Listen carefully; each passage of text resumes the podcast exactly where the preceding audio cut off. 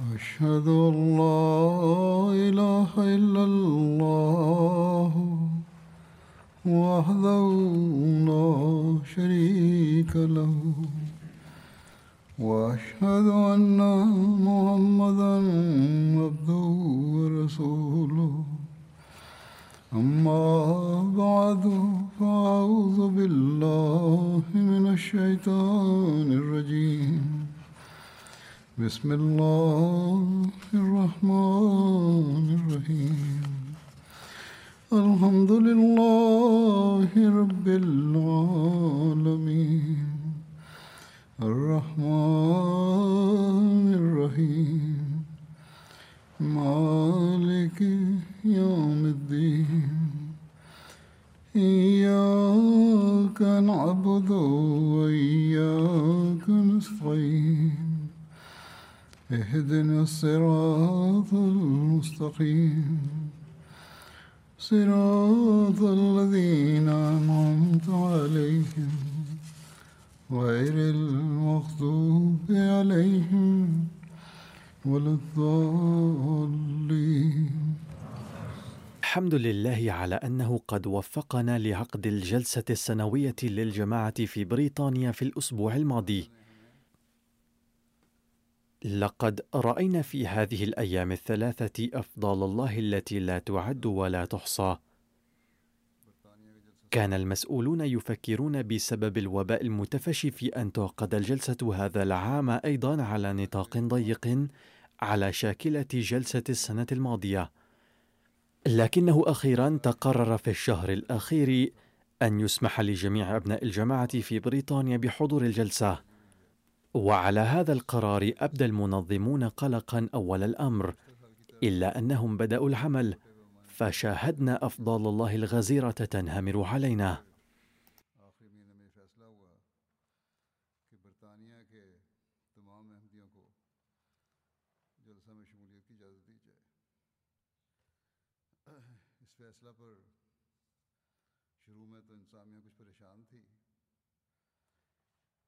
مہینے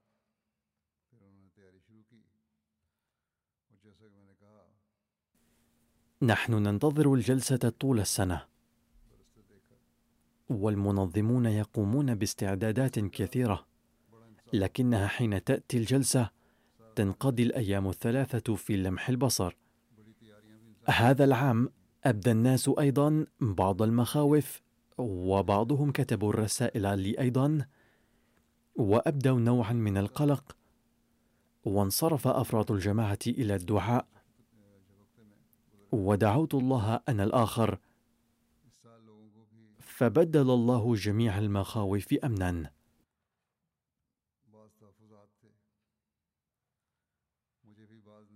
لکھے كان من هذه المخاوف هذا الوباء المتفشي تھے وربما تأثر به بعض الحضور. لكنه اجمالا نزل فضل الله الكثير.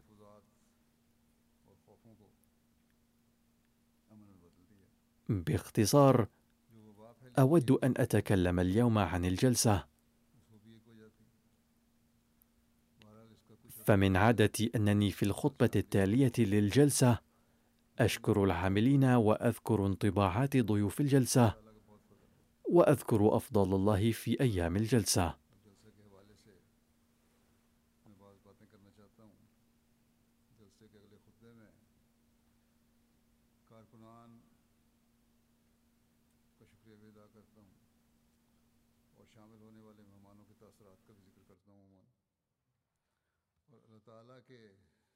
فاولا أشكر جميع العاملين.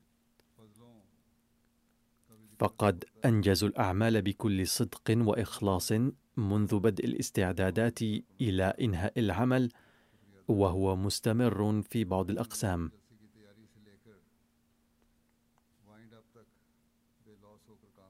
فقد أنجز العاملون ذكورا ونساء مهامهم. في شتى الأقسام على أحسن ما يرام بحسب كفاءاتهم. وعلى جميع الحضور أن يشكروا لهم. فمن الأخلاق الإسلامية أن تشكروا كل من نفعكم وعمل من أجلكم. فالشكر للعباد هو الذي يؤدي إلى الشكر لله أيضا.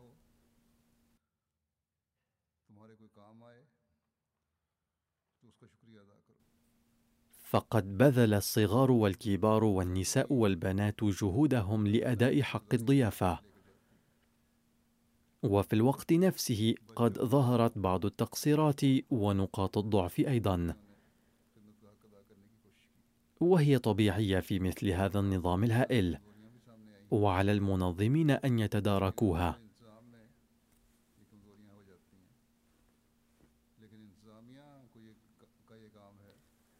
فقد رفعت بعض الشكاوى من قسم إطعام الطعام للنساء. وهناك أمور أخرى أيضا ذكرها الناس في الرسائل وأرسلتها إلى إدارة الجلسة ليطلعوا عليها ويسجلوها في الكتاب الأحمر ليزيلوها في السنة القادمة. ويحاولوا تحسين النظام في كل الأقسام. لكنه عموما قد أنجز العاملون أعمالهم بشكل جيد جدا. فقد أدى الأولاد أيضا حق أعمالهم المعهودة إليهم. باختصار إنني أشكر كل هؤلاء. MTA أيضا غطت فعاليات الجلسة بشكل جيد جدا. فهذا العام قد جهزوا الاستوديوهات أيضا بأنفسهم وبذلك وفروا عدة آلاف من الجنيهات. وهذا العام ربطوا البلاد الراقية وغير الراقية بموقع الجلسة أثناء فعاليات الجلسة حيث كان الجالسون هنا في الجلسة يشاهدون اخوتهم في بلاد أخرى.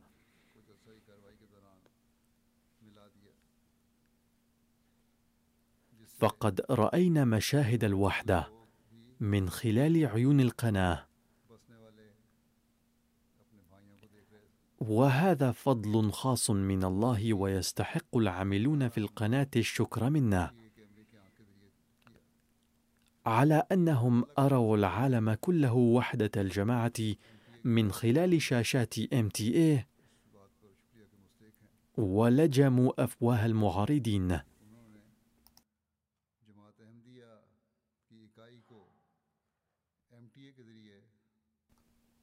باختصار أتناول الآن بيان انطباعات بعض الأحمديين وغيرهم. وأذكر نزول افضال الله وأخبركم كيف بلغ الله رسالة الإسلام ارجاء العالم. قال السيد أبو بكر سيني المحترم من النيجر وهو ليس احمديا وعالم وإمام في أحد المساجد في نيامي إنما أثر في أكثر هو حب الناس للخليفة. وكيف كانوا يبدون كامل الطاعة لإشارة من خليفة الوقت؟ حيث كان يسود السكوت التام أثناء الخطابات. وكان يبدو أن الله هو الذي ألقى هذا الحب في قلوب الناس. إذ لم يكن مصطنعا قط.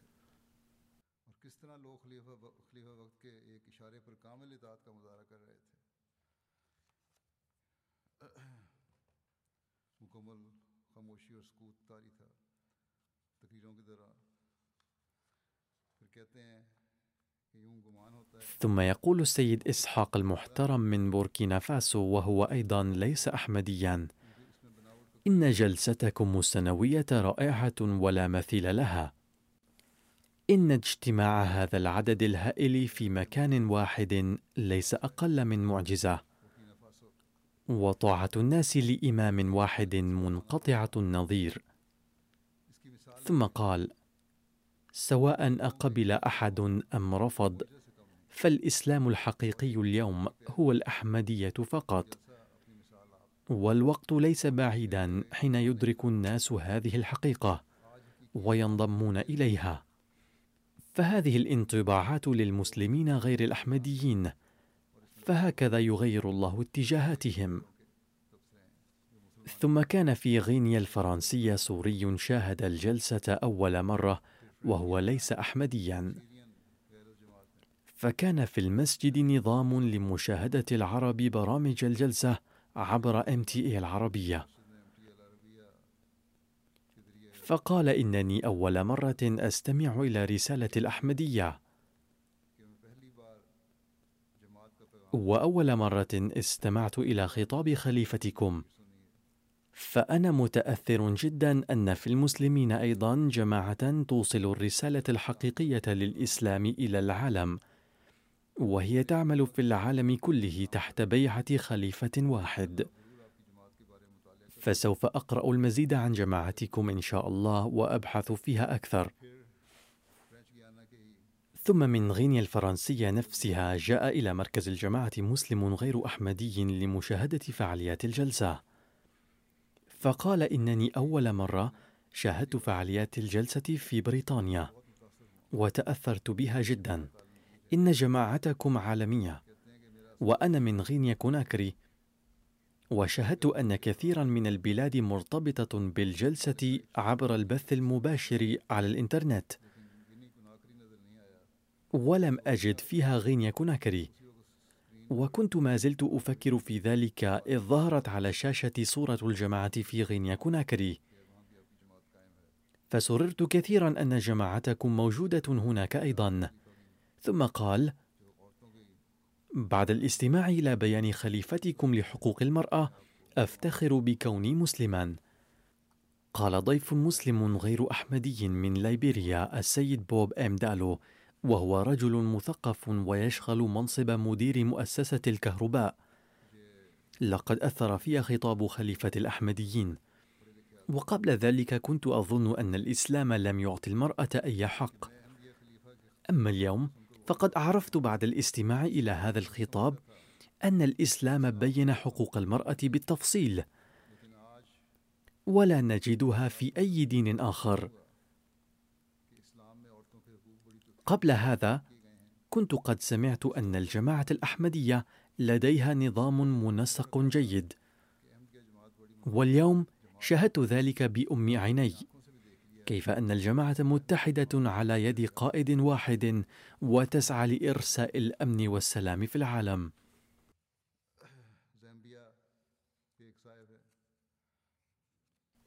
يقول القس كاتبولي من زامبيا لقد تأثرت جدا بالاستماع إلى خطاب خليفتكم في آخر أيام الجلسة فكان الخطاب مدهشا جدا. فلم أكن أقدر مطلقا بأي جمال بين الإسلام حقوق المرأة. وكنت أظن أن الإسلام لم يعطي المرأة أي حق وأنه لم يعطي المرأة أي نوع من الحرية. وكنت أظن أن الإسلام قد حبس المرأة داخل البيت. لكن أفكاري تبدلت اليوم بعد الاستماع إلى هذا الخطاب. فلن أستحي ابدا من القول أن الحقوق التي أعطاها الإسلام للمرأة لم تعطها إياها المسيحية. لاحظوا كيف يقول القس المسيحي أن الحقوق التي أعطاها الإسلام للمرأة لم تعطها إياها المسيحية.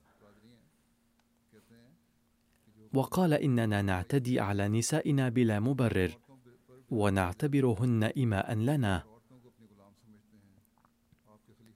أما خليفتكم فقد أصاب في قوله تماما أن الرجل ينال حقوقه بقوة بطريقة أو أخرى. اليوم عرفت أن الإسلام في تعليمه ليس متشددا مطلقا بل إن تعليم الإسلام جميل جدا. وفي ساحل العاج جاء لمشاهدة الجلسة ضيف يبشره الأحمديون فقال لقد تعرفت إلى الجماعة بشتى الوسائل في الماضي. أما الجلسة السنوية فعرفتني بالجماعة بأسلوب منفرد. كان قد شاهد الجلسة عبر التلفزيون أول مرة وتأثر كثيرا بمشاهدة نظام الجلسة. وقال إن مشاركة عدد كبير من الناس بأسلوب منظم ومنسق في برنامج توحي إلى أن تأثير تربية الخلافة فيهم عميق. ثم قال إني لم أكن أعرف كيف كان الناس يبايعون رسول الله صلى الله عليه وسلم. لكنني حين شاهدت اليوم كيف يبايع الناس على يد الخليفة. فقد ترك ذلك تاثيرا عميقا في قلبي ومشاعري لا توصف.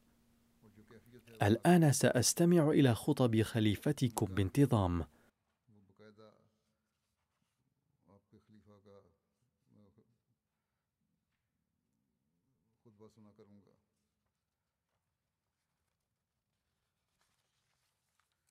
في كونغو كنساشا أيضا شاهد مندوب قسم الهجرة والجوازات فعاليات الجلسة. فقال بعد الاستماع إلى خطابي إن هذا الخطاب دفعني إلى أن أفكر أنني لماذا لست أحمديا حتى الآن. ثم وعد قبل الانصراف بأنه سيزور مركز الجماعة بانتظام. وسوف يبحث في الجماعة أكثر. ف MTA أيضا يتسبب في تربية الناس.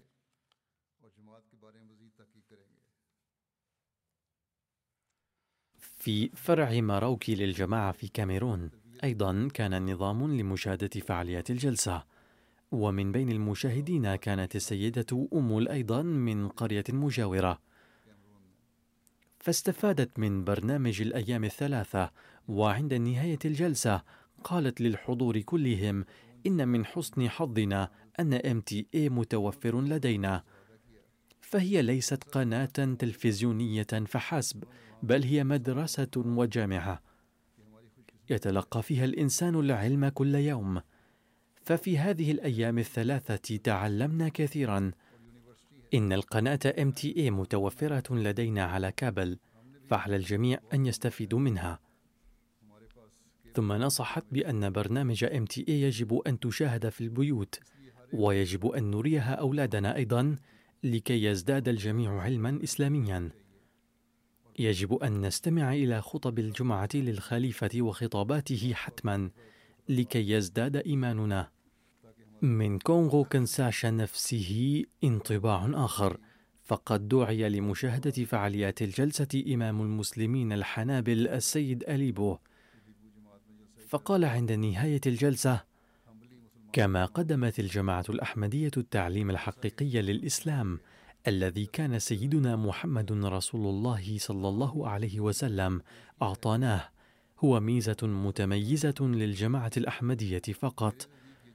أنا أريد أن أنضم إلى الجماعة الأحمدية بأي طريقة ممكنة، وأسأل الله أن يوفقني لذلك. وفقه الله لذلك. في ألبانيا قالت السيدة ويلما وهي فتاة مسلمة يبشرها الأحمديون. كانت الجلسة في بريطانيا عظيمة ورائعة وكان عدد الحضور فيها أيضا غير عادي. إنني إلى الآن لم أنضم إلى الجماعة لكن هذه الجلسة حرضتني على أن أفكر بجدية في أهمية هذه الجماعة وصدقها.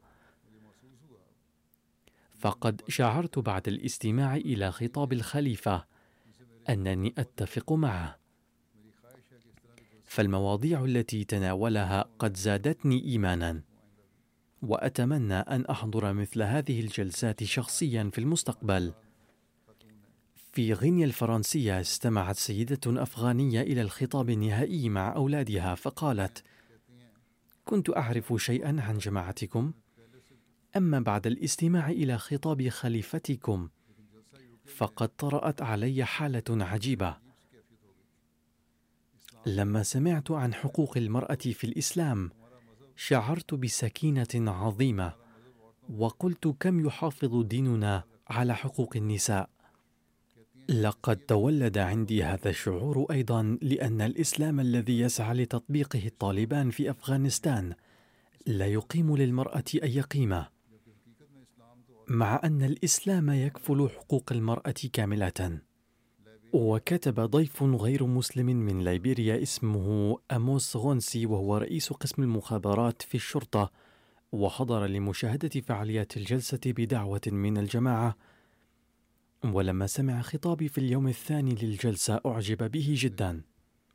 وكان قد دعي لمشاهدة فعاليات اليوم الثاني. ولكنه حضر بنفسه في اليوم الثالث أيضا وعبر عن مشاعره قائلا. كانت فكرتي عن الإسلام سلبية جدا وكان من أسباب ذلك تصرفات المسلمين. ولكن بعد مشاهدة فعاليات هذه الجلسة أدركت أن الإسلام دين السلام وأن الجماعة الأحمدية عاكفة على خدمة البشرية في كل مجال. وقد تغيرت اليوم أفكاري عن الإسلام تماما وزالت مخاوفي تجاهه. وقال أيضا لو أن الأحمدية وصلت إلى هذه المنطقة من قبل لدخل على يدها كثير من الناس في الإسلام.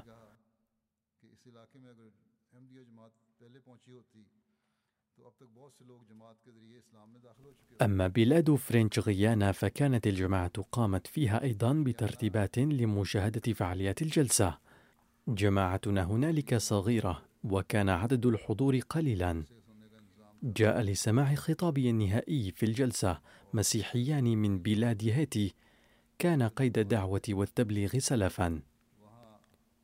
قال نحن مندهشون أن الموضوع الذي اختاره الخليفة لخطابه اليوم أي موضوع حقوق المرأة كنا نناقشه بيننا منذ يومين ونقول ما هي تعليم الإسلام عن حقوق المرأة؟ لم نكن نعلم أن الإسلام يقدم بشأن حقوق المرأة تعليم كاملة شاملة لهذه الدرجة. لو لم نسمع خطاب خليفتكم اليوم فلربما لم نطلع على هذه التعليم الرائعة الكاملة. في هذا العصر هناك حديث كثير عن حقوق المرأة، ولكن الإسلام وحده قد تحدث على وجه سليم عما على الجنسين من فرائض وواجبات. إن هذين الضيفين يقرآن كتاب جماعتنا حياة محمد في هذه الأيام، وقد طلب مزيدا من الكتب أيضا. وهناك تقرير من موريس حيث اجتمع الإخوة لمشاهدة فعالية الجلسة هنالك أيضا. وكانت من بين الضيوف السيدة تانيا دلولي عضوة البرلمان الموريسي وتتولى منصب سكرتير البرلمان وقالت في انطباعاتها هذا مشهد رائع إن حضور فعاليات الجماعة الأحمدية ومشاهدة ثقافتها تجربة جيدة جدا. والأكثر إثارة أنكم تقيمون هذه المناسبة الدينية العظيمة في مدينة لندن. وأضافت لا شك أن الدين قد اكتسب أهمية كبيرة جدا في هذه الأيام بسبب الأوضاع المعيشية والاجتماعية السائدة. إن اجتماع هذا العدد الكبير من الناس لمحاسبة أنفسهم وفحصها تحقيقا لهدف روحاني لامر عظيم. ولا سيما وكلنا نعيش في هذه الفترة الصعبة التي يواجه فيها العالم أزمات كثيرة. أرى أن مثل هذه الفعاليات تساعد كثيرا على السير على الطريق السليم وعلى المحافظة على القيم السامية. لقد كانت هذه تجربة رائعة لي وتعلمت منها الكثير. كما أن هذه اللحظات تمثل لي وقفة تأملية أيضا. والمبايعون الجدد أيضا قد أرسلوا انطباعاتهم عن الجلسة قالت السيدة حواء من بوركينا فاسو وهي مبايعة جديدة. إن الكلمات الصريحة الواضحة للخليفة تذكرنا أننا لم نبايع باعتبار الأحمدية الإسلام الحقيقي لكي نجعل الآخرين أحمديين فحسب بل أيضا لكي نتعلم كيف نعيش في المجتمع كأحمديين مثاليين ولكي نزداد ايمانا ويقينا بجعل أقوالنا وأفعالنا متطابقة ومنسجمة. يقول الناس أن أهل أفريقيا غير مثقفين ولكن انظروا كيف أن هذه السيدة تقول إن علينا إحداث التغيير في أنفسنا لتصبح أعمالنا متوافقة مع أقوالنا. وقول هذه السيدة يمثل وقفة تأملية على كل أحمدي متعلم ومثقف أو من يعد نفسه من المتعلمين المثقفين ممن يعيشون في أوروبا والبلاد المتقدمة الأخرى. بل في كل مكان لكي يتدبر هذا الأمر ويسعى جاهدا ليكون فعله منسجما قول قوله. وقالت إحدى المبايعات الجديدات من إندونيسيا إن الجلسة السنوية لجماعتنا ببريطانيا شيء رائع وغير عادي. إنني مبايعة جديدة. وكانت هذه الجلسة فرصة لرفع مستواي الروحاني كعضوة في هذه الجماعة. لقد رأيت الناس يحضرون هذه الجلسة المباركة أفواجا. ومع أنني شاهدت الجلسة عبر التلفاز فقط ولكن قلبي وعقلي كانا موجودين في مكانهما في المملكة المتحدة. لقد زادتني الجلسة إيمانا بصدق هذه الجماعة الإلهية، وسوف أعمل على زيادة إيماني في المستقبل أيضا. وهناك تقرير من بلاد كونغو برازافيل ورد فيه بعد الاستماع لخطاب الخليفة في خيمة النساء قد عهدت السيدات الأحمديات وقلنا سوف نسعى نحن أيضا لتربية أولادنا ليكونوا مستعدين لتقديم كل تضحية في سبيل نشر الإسلام الأحمدية. وقال مبايع جديد من إندونيسيا اسمه إيري هيماوان إني من المبايعين الجدد بعد مشاهدة فعاليات الجلسة السنوية في المملكة المتحدة أقول كلمة واحدة فقط يوجد في العالم كله تنظيم إسلامي واحد أعضاؤه منتشرون في أكناف العالم أجمع. وهناك محطة تلفاز واحد تبث برامجها 24 ساعة. كنت أتساءل في نفسي وأقول هل ثمة تنظيم إسلامي كمثل التنظيمات المسيحية كشهود يهوفا والمورمن والإدفانت SDA وغيرها التي لها ملايين الأتباع الذين يعملون في مئات البلاد؟ وقد وجدت اليوم الجواب وهو نعم هناك تنظيم إسلامي اسمه الجماعة الأحمدية التي هي منتشرة في كل أنحاء العالم والتي أنا مسرور وفخور بكوني عضوا فيها. وهذا التنظيم الإسلامي منسجم مع سيرتي وشخصيتي والآن بوسعي أن أكون انسانا نافعا وأرتقي ماديا وروحانيا. وقال السيد باغوبايوس دورين من قزاخستان تركت الجلسة في قلبي وقعا عظيما. شاهدت فعاليات الجلسة السنوية مع زوجتي في جو روحاني وأثر خطاب الخليفة في قلبي تأثيرا لا تسعفني لوصفه الكلمات وكما أن خطب الخطباء الآخرين أيضا كانت رائعة. وفق الله الأحمديين في العالم كله لمشاهدة فعاليات الجلسة عبر قناة MTA وجزى الله كل المتطوعين والمنظمين خير الجزاء. كما أن هذا الأخ قد دعا الله تعالى أن يديم في هذا الشعور الروحاني والكيفية الروحانية حتى جلسة السنة القادمة بل للأبد. وهناك مبايع جديد من زميبيا لما سمع خطابي لم يتمالك مشاعره وسالت الدموع من عينيه. ولما سأله الأخ الجالس سبب بكائه لم يطق الجواب وخرج من الصاله لبضع دقائق ومسح عبراته ورجع. ولما سأله الأخ عن السبب ثانية قال قد رأيت الخليفة وسمعت صوته أول مرة في حياتي ولذلك جرت الدموع من العينين. أبلغ من العمر ثمانين عاما وقضيت حياتي كلها بين الذئاب يعني بين أناس ظالمين. وقد علمت بعد الانضمام إلى الأحمدية أن تعليم الإسلام الأساسية هي نشر المحبة بين الناس وليس الكراهية. وكان هذا الأخ هب قائما في أحد أيام الجلسة بعد الدرس بعد صلاة التهجد وخاطب كل الحضور وقال: إن ملء هذا المسجد بالمصلين ليس واجب الداعية فقط، بل من واجبنا جميعا أن نقوم بالدعوة والتبليغ. وهناك مبايع جديد من أستراليا اسمه عيسى جبرائيل، وكان قد بايع من قبل ولكن كان يتأثر باعتراضات المعترضين من حين لآخر ولا سيما باعتراضهم أن هذه الجلسة بدعة. حضر هذا الأخ إلى مسجد بيت المسرور في أستراليا ليشارك في البيعة العالمية وقال بعدها لقد زالت شكوكي وشبهاتي كلها لأني أرى بكل وضوح أن هذه الجلسة تعقد ابتغاء وجه الله تعالى. إنها فرصة لتجديد إيماني. وبعد المشاركة في الدعاء الجماعي الذي قام به الخليفة في البيعة العالمية قد أيقنت يقينا كاملا أن أدعيتي سوف تجاب حتما. برؤية فعاليات هذه الجلسة يزداد الإخوة إيمانا على إيمانهم أيضا. فقد قال مبايع جديد من أستراليا اسمه كيكاس غبري كانت البيعة العالمية تجربة مدهشة لي.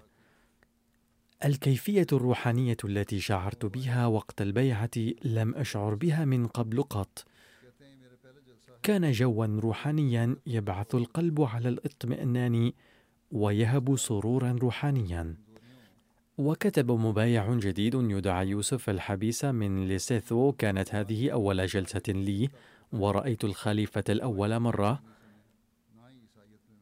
إن طرق إصلاح مساوئ المجتمع وأخطائه التي بينها الخليفة على ضوء تعاليم الإسلام السامية لم أسمعها قط حتى اليوم كما لم أتعلمها من المسيحية أيضا. عندما كنت أقوم بالتحقيق عن الأحمدية ورأيت صورة الخليفة أول مرة أراني الله في المنام أن هذا هو الدين الحق. إن انضمامي إلى الأحمدية وفوزي بالإسلام الحقيقي إنما هو نتيجة الهداية الإلهية فحسب والتي قد تيسرت لي بعد رؤية الخليفة. بعد مشاهدة فعاليات الجلسة ورؤية المشاهد الروحانية للبيعة العالمية والمشاركة فيها أول مرة في حياتي أشعر بتغيير طيب في نفسي وكأنني قد أحييت من جديد. وهناك السيد بلومبيا من ألبانيا وهو أستاذ التاريخ في ألمانيا وقد بايع قبل ثلاثة أو أربعة أعوام. قال حضرت الجلسة هذه السنة عبر الشاشة ولكني كنت أشعر وكأنني موجود بنفسي في مكان الجلسة. كان لجو الجلسة ولخطاب الخليفة تأثير كبير جدا حتى خيل إلي أنني حاضر في مكان الجلسة بجسدي. إن هذه الجلسة السنوية العالمية لدليل قاطع على وحدة الجماعة واتحادها. إن الأحمديين من كل أكناف العالم مجتمعون على يد الخليفة، على كل الإخوة الأحمديين أن يدركوا واجباتهم. إن الجميع ينتظرون سماع تعليمات الخليفة ويرغبون في العمل بها لقد أتى الخليفة في خطابه النهائي تعليمات واضحة وبكلمات غاية في البساطة. وبإمكان كل شريحة من المجتمع فهم هذه الكلمات البسيطة.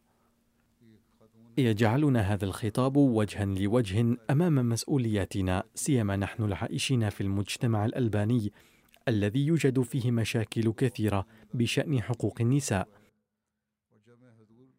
قالت السيدة غنارمجي من منطقة في النيجر بعد سماع خطاب الخليفة في خيمة النساء اليوم. أدرك ما هي حقوق النساء وواجباتهن. ولما أخبر الخليفة كيف أن حضرة أما جان حرم المسيح الموعود عليه السلام كانت ترعى أولادها وتربيهم تربية نموذجية عهدت الله في الحال أنني سأعتني من اليوم بتربية أولادي عناية خاصة. لكي يكونوا خداما للدين مثاليين. انظروا كيف يحدث الله تعالى التغييرات الطيبة في النفوس. يقول السيد عاطف زاهد داعية الجماعة في إديليد علما أن هناك فارق ثمان ساعة ونصف ساعة بين توقيت إديليد ولندن. كانت برامج الجلسة كلها تبث في وقت متأخر من الليل وكنت قلقا من أن الناس قد لا يأتون أو سيأتي عدد قليل منهم للاستماع إليها. ولكنهم أبدوا اخلاصا غير عادي وجاءوا بكثرة. كان أول يوم للجلسة هو يوم الجمعة وهو يوم العمل ومع ذلك حضر الناس المسجد وسمعوا الخطاب. كما حضروا بمناسبة البيعة العالمية وظلوا ساهرين إلى الساعة الثالثة بعد منتصف الليل وسمعوا الخطاب. وكان حبهم للخلافة جديرا بالملاحظة. وشكروا العاملين في قناتنا الفضائية على ذلك. تقول سيدة كيليان آي ماكينا من كازاخستان: قد انتهت الجلسة بالنجاح بفضل الله تعالى. كانت خطابات الخليفة والمحاضرين الآخرين حول مواضيع مختلفة مفيدة وممتعة جدا، وقد تركت في نفسي تأثيرا خاصا، وقد تعلمت طرق تبليغ الدعوة أيضا إنني متأكدة من أن جميع المستمعين الآخرين أيضا حصلوا على أجوبة على أسئلتهم. وقد وفقني الله تعالى لتجديد البيعة وأدعو الله تعالى أن يفتح عيون بقية الناس وصدورهم ويوفقهم لقبول الهداية. تقول سيدة شيماء قاسم من اليمن عشنا أجواء الجلسة وكأننا في الجنة. لقد أشرقت علينا شمس الإسلام من جديد وأنعشت أرواحنا وقلوبنا. وبعثت فينا روح الإيمان الحقيقي والمحبة والوحدة والأخلاق بالرغم أننا بعيدون عن بعضنا البعض. لكن القلوب معكم كأننا نعيش في بيت واحد لا يستطيع أحد الشعور بهذا إلا من كان أحمدي. بالرغم من أن هذه الأيام كانت أيام أمطار لكن خلال أيام الجلسة الثلاثة كان الجو مناسبا جدا واستطعنا مشاهدة الجلسة بفضل الله تعالى. أدام الله علينا نعمة الخلافة. وبدون الخلافة سوف نكون في هذه الحياة لا شيء بلا هدف ولا غاية لدينا. تقول سيدة دعاء وهي سيدة عربية من الكبابير ما مفاده. ظللت أحاول أن آخذ رؤوس الأقلام لخطابكم النهائي في الجلسة وأشكركم كثيرا على تنبيهكم إلى حقوق النساء. وأشعر أنني أتبع دينا يحافظ على حقوقي ومشاعري وأشعر بالاعتزاز بذكر هذه الأمور كلها أمام صديقاتي غير المسلمات.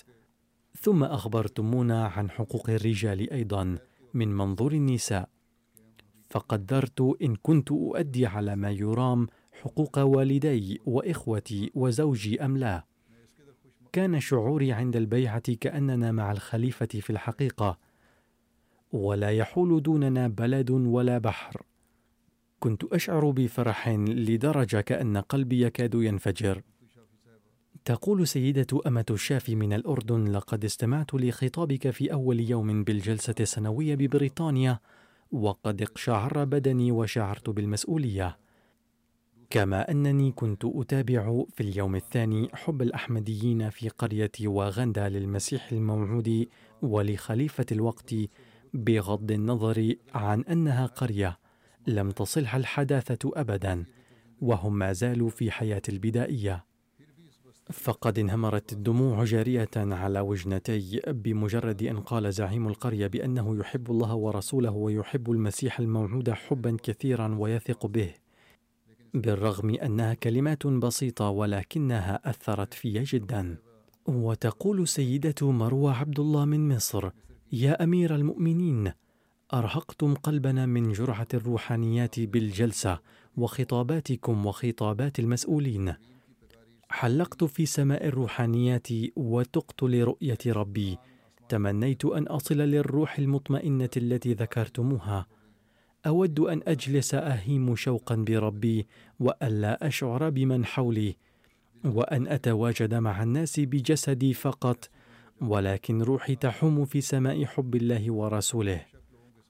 يقول حضرة الخليفة لدى الإخوة العرب موهبة خاصة في استخدام الكلمات القوية والجيدة لإظهار إخلاصهم ووفائهم. زادهم الله إيمانا وإيقانا.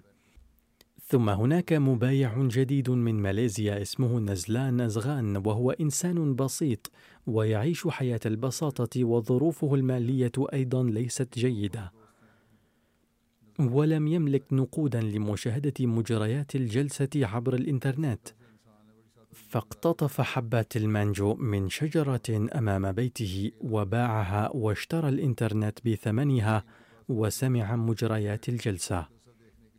كذلك سمع مجريات الجلسة السيد سيني بالتي وهو صديق غير أحمدي فقال لم أشاهد مثل هذا البرنامج من قبل حيث يستمع الناس لزعيمهم بهذا القدر من الحب والاحترام. إن مشاهد البيعة العالمية كانت جميلة جدا. لقد شاهد الأخ المذكور مشاهد البيعة العالمية فقط حيث كانت الجماعة مجتمعة على يد واحدة. وبرؤية هذه المشاهد أيقنت أن الجماعة الأحمدية تطيع خليفتهم طاعة كاملة. وهذا هو سر ازدهارهم وتقدمهم. والحق أن الجماعة الأحمدية جماعة صادقة وأنكم على صراط مستقيم. تقول السيدة ثريا غوميز من مكسيكو لقد سنحت لي الفرصة لسماع الخطابات الملقاة في الجلسة السنوية في بريطانيا. وكان الخطاب النهائي الأكثر متعة. إذ ذكرت فيه حقوق النساء وكيف يمكن تحسين الأجواء المنزلية؟ ولسوف أسعى جاهدة مدى حياتي للعمل بهذه التعاليم الإسلامية. قد صرت عاطفية جدا بمشاهدة مشاهد البيعة العالمية لدرجة تعجز الكلمات من بيان تلك الكيفية ولكني أشعر بسعادة وسكينة كبيرة. حضرت سيدة من غينيا بيساو الجلسة مع صديقتها غير الأحمدية واسمها زيب النساء.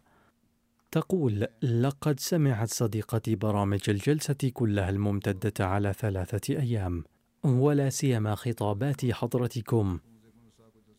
وفي اليوم الأخير أعلنت في المسجد إن اعتراضاتي كلها على الأحمدية قد تلاشت بعد سماع خطابات خليفتكم. وأعلن انضمامي إلى الجماعة الأحمدية وأنذر ابني لخدمة الجماعة الأحمدية. السيدة كيم باكيتا تسكن في قرية في غينا بساو وتقول لقد اشتركت في برامج الجلسة في بريطانيا وسمعت عن البيعة العالمية وسألت داعية الجماعة عن تفاصيلها فأخبرني بشروطها العشرة. فاشتركت في البيعة وأعادت كلمات البيعة كلها ثم سمعت خطابي النهائي وقالت لقد قبلت الأحمدية منذ عقد البيعة العالمية ولكن أريد أن أعلن بعد هذا الخطاب أنه إذا كان أحد يستطيع أن ينقذ الأمة الإسلامية في العصر الراهن فهي الخلافة الأحمدية وحدها. وأعلن اليوم بانضمامي إلى الأحمدية وسأنصح أولادي أيضا بالانضمام إليها لأن الأحمدية هي الإسلام الحقيقي. ويقول الدعاة في فروع الجماعة المختلفة في كونغو برازافيل لقد وفقنا لمشاهدة مجريات الجلسة كلها مباشرة مجتمعين عبر MTA الأفريقية. وقد تأثر الناس كثيرا من الخطابات.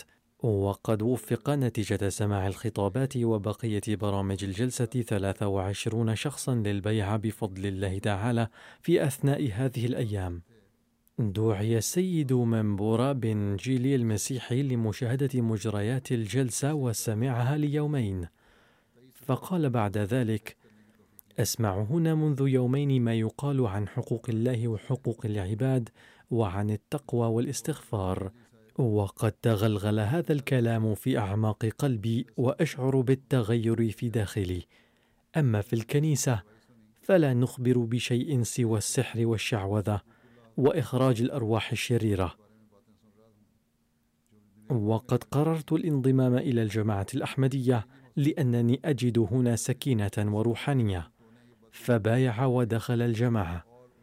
هناك شخص مسلم حديث العهد اسمه ميسي بيسا يقول هذه أول فرصة سنحت لي لرؤية خليفة المسيح. لقد أسلمت حديثا وكان يخالج الذهن سؤال أنه يجب على العالم أن يتحد على يد واحدة حتما. وقد رأيت الجماعة الأحمدية هنا ووجدت تلك الوحدة. لذا بدأت بأداء الصلاة مع الجماعه في مسجدهم. اشتركت اليوم في الجلسة السنوية في بريطانيا وفي البيعة العالمية التي اشترك فيها الأحمديون كلهم تي اي ولما رأيت كل ذلك بام عيني وحصلت على الجواب على سؤالي فأعلن انضمامي إلى الجماعة الأحمدية من هذا اليوم وأنصح عائلتي أيضا باتباع الخلافة. يقول رئيس الجماعة في سريلانكا عن دخول أحد الإخوة في الجماعة لقد دبر في الجماعة المحلية للاستماع إلى الجلسة مجتمعين. فقد اجتمع في مركز الجماعة في كولومبو على الرغم من صعوبة السفر بسبب الظروف السائدة في البلد 88 أحمديا واشتركوا في مجريات البيعة العالمية. وبهذه المناسبة بايع شخصان ودخل الجماعة. كذلك اشترك الإخوة في الجلسة من مدن مختلفة بما فيها نوغومبو وسوسويلا وبوليز عبر البث المباشر. وقد ترجمت جميع البرامج إلى اللغة التاميلية. ووفق أربعة أشخاص للبيعة نتيجة هذه البرامج. ثم هناك تقرير ورد من ألبانيا حيث كانت الترجمة المباشرة تبث على يوتيوب. وسمعها الناطقون باللغة الألبانية في كل من ألبانيا وكوسوفو ومقدونيا وألمانيا. وقد اشترك أخ ألباني السيد ألبرت أول مرة في الفقرة الأخيرة من الجلسة السنوية في بريطانيا وقال بعد نهايتها إن خطاب خليفة المسيح كان زاخرا بآيات القرآن وسيرة النبي صلى الله عليه وسلم والأدلة العقلية وكان بلغة سلسة وبسيطة وقد رد في خطابه على كافة أسئلة الذين يعترضون بشأن حقوق النساء ثم اتصل بعد فترة وجيزة من انصرافه وظل يتحدث عن الجماعة وعن الجلسة وقال بأن الأحمدية هي الإسلام الحقيقي وعندما ذكرت له شروط البيعة ذكر كتاب الجماعة في اللغة الألبانية وقال: هذه الشروط مذكورة في الكتاب وقد قرأتها والآن أنا جاهز للبيعة فبايع ودخل الجماعة بالفعل. يقول داعية الجماعة في كونغو برازافيل أن زوج السيدة يوكوستي كان قد دخل الجماعة سلفا وكان يتمنى أن تسلم زوجته أيضا. فكان يبشرها بالإسلام ويدعو باستمرار ولكن زوجته لم تكن جاهزة لترك الكنيسة فدعيت لمشاهدة مجريات الجلسة. فتابعت برامج الجلسة لثلاثة أيام وقالت في النهاية كنت أقارن في هذه الأيام الثلاثة كلام الخليفة مع كلام قسيسينا وتوصلت إلى أن كلام الخليفة معقول جدا. ويدخل كل قول له في القلب بينما كلام القساوسة نسمعه يوميا ولكن لم نشعر بهذا التأثير القوي له في قلوبنا. فبايعت ودخلت الأحمدية. هذه كانت بضع واقعات للناس وهناك كثير من الرسائل للشخصيات البارزة التي وصلت بمناسبة الجلسة. كما سمعتم أثناء الجلسة فلقد وصلت 126 رسالة من رجال السياسة والقادة وكانت 101 رسالة منها في صورة فيديو و 25 منها رسالة خطية. وهي رسائل الوزراء وأعضاء البرلمان والدول التي وصلتنا منها هذه الرسائل إضافة إلى المملكة المتحدة هي أمريكا وكندا وسيراليون ويوغندا وليبيريا ونيوزيلندا وإسبانيا وهولندا. وكانت المشاركة في الجلسة عبر البث الحي من 53 دولة واشترك الناس في جلسة المملكة المتحدة بواسطته من 53 دولة. والأماكن التي اشترك منها الناس في الجلسة عبر البث الحي من أوروبا وأفريقيا وآسيا كان عددها ثمانون. التغطية الإعلامية في هذا العام لم يدع عموما الإعلام لتغطية الجلسة بسبب الكورونا ولكن اثنين من المنافذ الإعلامية طلب الإذن بشكل خاص فسمح لهما. كان رأي قسم الصحافة في الجماعة بأنه تحدي كبير. كيف نخبر العالم عن الجلسة السنوية؟ ولكن الله تعالى بنفسه هيأ أسبابا للتغطية. جاءت قناتان تلفزيونيتان منهما القناة بي بي سي وقناة أخرى. وإضافة إلى ذلك غطتها ITV ومترو و LBC وبي بي سي راديو وبي بي سي الجنوب اليوم. وموقع بي بي سي وغيرها ومنها أخذت دور الإعلام الأخرى. وكذلك غطت الجلسة ثمان قنوات تلفزيونية محلية أيضا ونشرت 28 موقعا إعلاميا أخبارا أو مقالات عن الجلسة. وتبلغ هذه المواقع أكثر من 20 مليون شخصا. وأما وسائل الإعلام المطبوعة فنشرت في الجرائد أربعة عشر مقالا وعدد قراء هذه الجرائد واحد فاصل اثنين مليونا. وتم الحديث عن الجلسة في 32 برنامجا على القنوات التلفزيونية المختلفة. وعدد مشاهدي هذه القنوات أكثر من 12 مليونا. وفي الإذاعات ذكرت الجلسة السنوية البريطانية في 33 برنامجا وعدد سامعي هذه الإذاعات أكثر من مئة ألف. وفي الإعلام الاجتماعي أرسل بعض الصحفيين والشخصيات الاجتماعية البارزة رسائل عن الجلسة تصل إلى 12 مليونا. وفريق الصحافة والإعلام صنع تسجيلات فيديو عن الجلسة ووصلت إلى أكثر من 234 ألف ومجموع هذه الأعداد التي وصل إليهم خبر الجلسة 57.5 مليون. لم يسمح للصحفيين أن يحضروا الجلسة لذا أرسل فريق الصحافة والإعلام بمساعدة أعضاء قسم التبليغ في جماعة المملكة المتحدة طعام دار الضيافة إلى 32 صحفيا فكانت ردة فعلهم إيجابيا جدا وحبذوا ذلك. قال السيد إدوارد سالت صحفي القناة بي بي سي الجنوبية لقد قضيت وقتا رائعا في الجلسة وكانت الضيافة جيدة جدا واستمتعت بسماع الخطابات أيضا وسأعمل معكم في المستقبل أيضا. وقالت صحفية أخرى السيدة ستيفينيتا استغربت رؤية ساعة صدر جماعتكم وقالت الصحفية ناتاشا ديون في الحقيقة جميع الديانات سواسية والناس الطيبون يستخدمون الدين لجمع الناس ولمساعدة الفقراء ولكن السيئين يستخدمون الدين لأعمال سيئة. والجلسة السنوية مثال للناس الطيبين. اي حملت على وسائل الإعلام الاجتماعي 1885 نشرات وصورا وتسجيلات فيديو عن الجلسة السنوية. مما وصل الخبر إلى أربعة ملايين شخص. أبدى 213 ألف شخصا إعجابا لهذه النشرات وعلقوا عليها.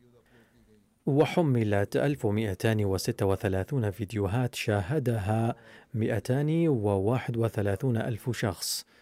ومجموع وقت مشاهدتها يكون 470 ألف ساعة. وزار موقع MTA 24 ألف شخصا 92 ألف مرة. وبحسب تقرير MTA أفريقيا فقد بثت برامج الجلسة مباشرة على 20 قناة تلفزيونية.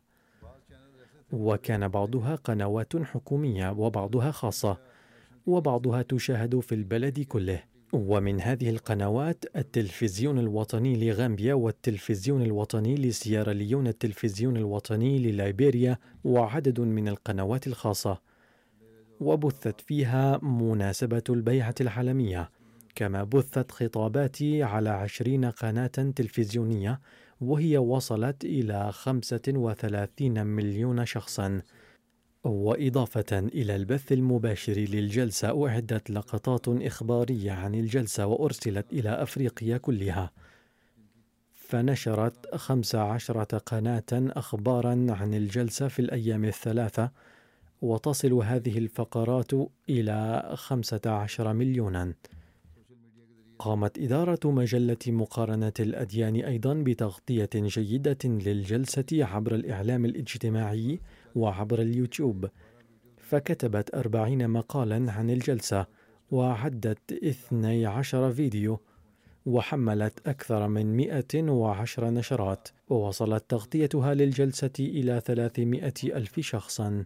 وبفضل الله تعالى ثمرات الجلسة كثيرة وقد بينت بعض الأمثلة من الواقعات والانطباعات الكثيرة التي وصلتني. أدعو الله تعالى أن يزيد كل أحمدي إيمانا وإيقانا وأن يكون تأثير الجلسة دائما وليس عارضا سأصلي غائبا على بعض المرحومين بعد الصلاة.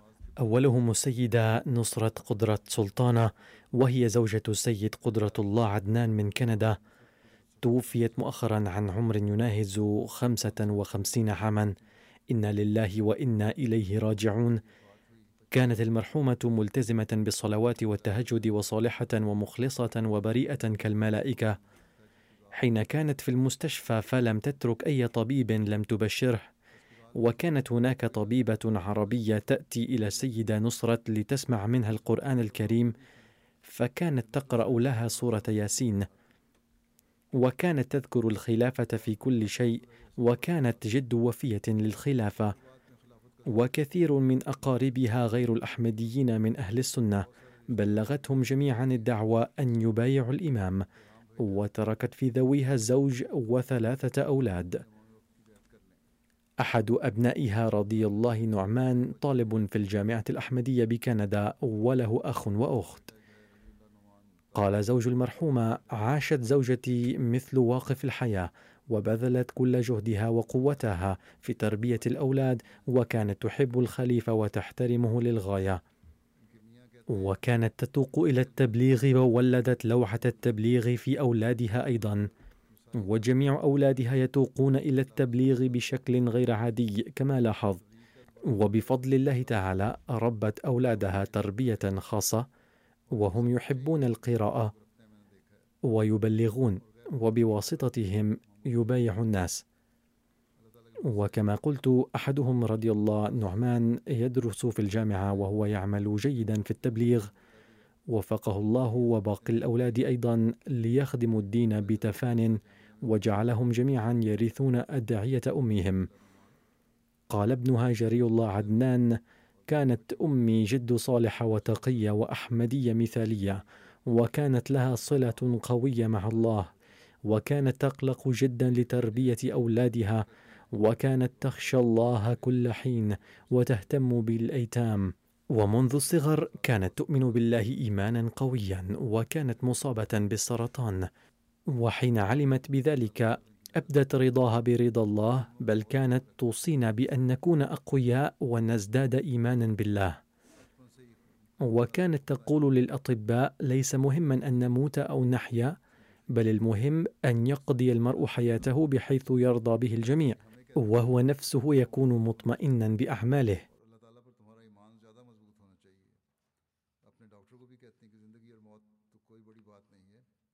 رفع الله درجاتها.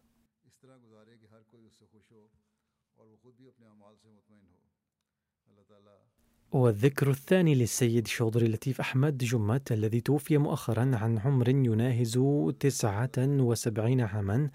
إنا لله وإنا إليه راجعون. كان بفضل الله منخرطا في نظام الوصية. جاءت الأحمدية في أسرته عن طريق جده حضرة شودري محمد دين محاسب الإيرادات الذي ورد اسمه في قائمة 313 صحابيا المسجلة في كتاب عاقبة آثم الخزائن الروحانية مجلد الحادي عشر الصفحة 325 حيث ورد اسمه على الرقم الثالث كالتالي. ميا محمد دين محاسب الأراضي في بلاني بمحافظة غجرات حصل شضري لطيف أحمد على شهادة الماجستير في الرياضيات من جامعة بنجاب. عام 1966 ثم بدأ يدرس في كلية تعليم الإسلام بربوة حيث خدم كمحاضر من 1966 إلى 68 ومن 68 إلى 94 أدى واجباته بوجه حسن كأستاذ ثم كعميد في سيارا ليون قرابة 26 عاما. كان واقف الحياة وبعد العودة من هناك خدم الجماعة بصفته نائب وكيل المال الثاني لخمس سنوات ونائب وكيل المال الثالث لسبع سنوات. كان يخدم في سيارا ليون كأستاذ كما ذكرت وفي أثنائها وقف حياته رسميا في عام 1971 وفي أول كانون الثاني يناير عام 2007 عين وكيل المال الثالث وهكذا مجموع فترة خدمته يزيد عن نصف القرن. قالت زوجته السيدة رشيدة لطيف كان زوجي في سيارا ليون وحين تزوجت وذهبت إلى سيارا ليون فقال لي من الصعب لواقف الحياة أن يشتري طعاما آسيويا هنا لذا على واقف الحياة وأهله أن يأكلوا أطعمة محلية فعليك أن تتعلمي تحضير الأطعمة المحلية. فهذا الشيء كان سهلا علينا كثيرا فيما بعد. كان بسيطا جدا ومهتما بالآخرين والذين يعملون معه يذكرون بحسن تعامله معهم والجميع يمدحونه. غفر الله له ورحمه ورفع درجاته وألهم ذويه الصبر. وله ابن وابنة وكان له ابن آخر توفي في الصغر. وفق الله ذويه لمواصلة حسناته. والذكر الثالث للسيد مشتاق أحمد عالم ابن السيد محمد عالم من ميرابوركا بآزاد كشمير. توفي في 19 تموز عام 2022 عن عمر يناهز 60 عاما. إنا لله وإنا إليه راجعون.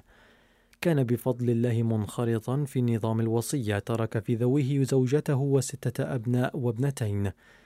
ثلاثة من أبنائه وزوج إحدى ابنتيه حفاظ القرآن وثلاثة أبنائه دعاة. منهم الحافظ مصور أحمد مزمل يخدم في سنغال بغرب أفريقيا والثاني الحافظ أخلاق أحمد والثالث عبد الخالق الذي يقوم باختصاص في علم الآثار.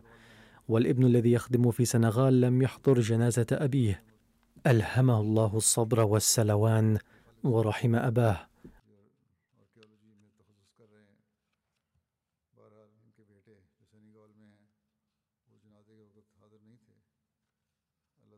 وسأصلي على هؤلاء المرحومين غائبا بعد صلاة